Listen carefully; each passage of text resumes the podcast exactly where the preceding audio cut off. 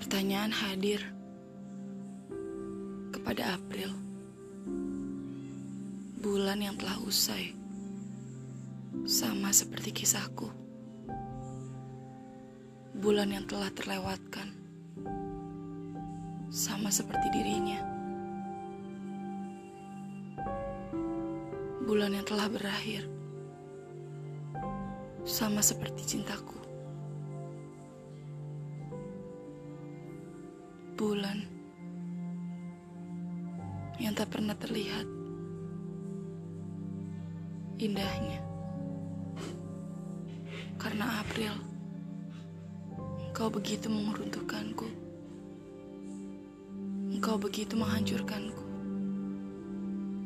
April, engkau telah mengajarkan banyak hal. Mengajarkan apa itu dewasa. Mengajarkan apa itu sabar mengajarkan untuk menjadi diriku yang baru, diriku yang tanpanya. April, entah dengan apa aku mendefinisikanmu. Engkau terlalu indah, namun kau terlalu menusukku.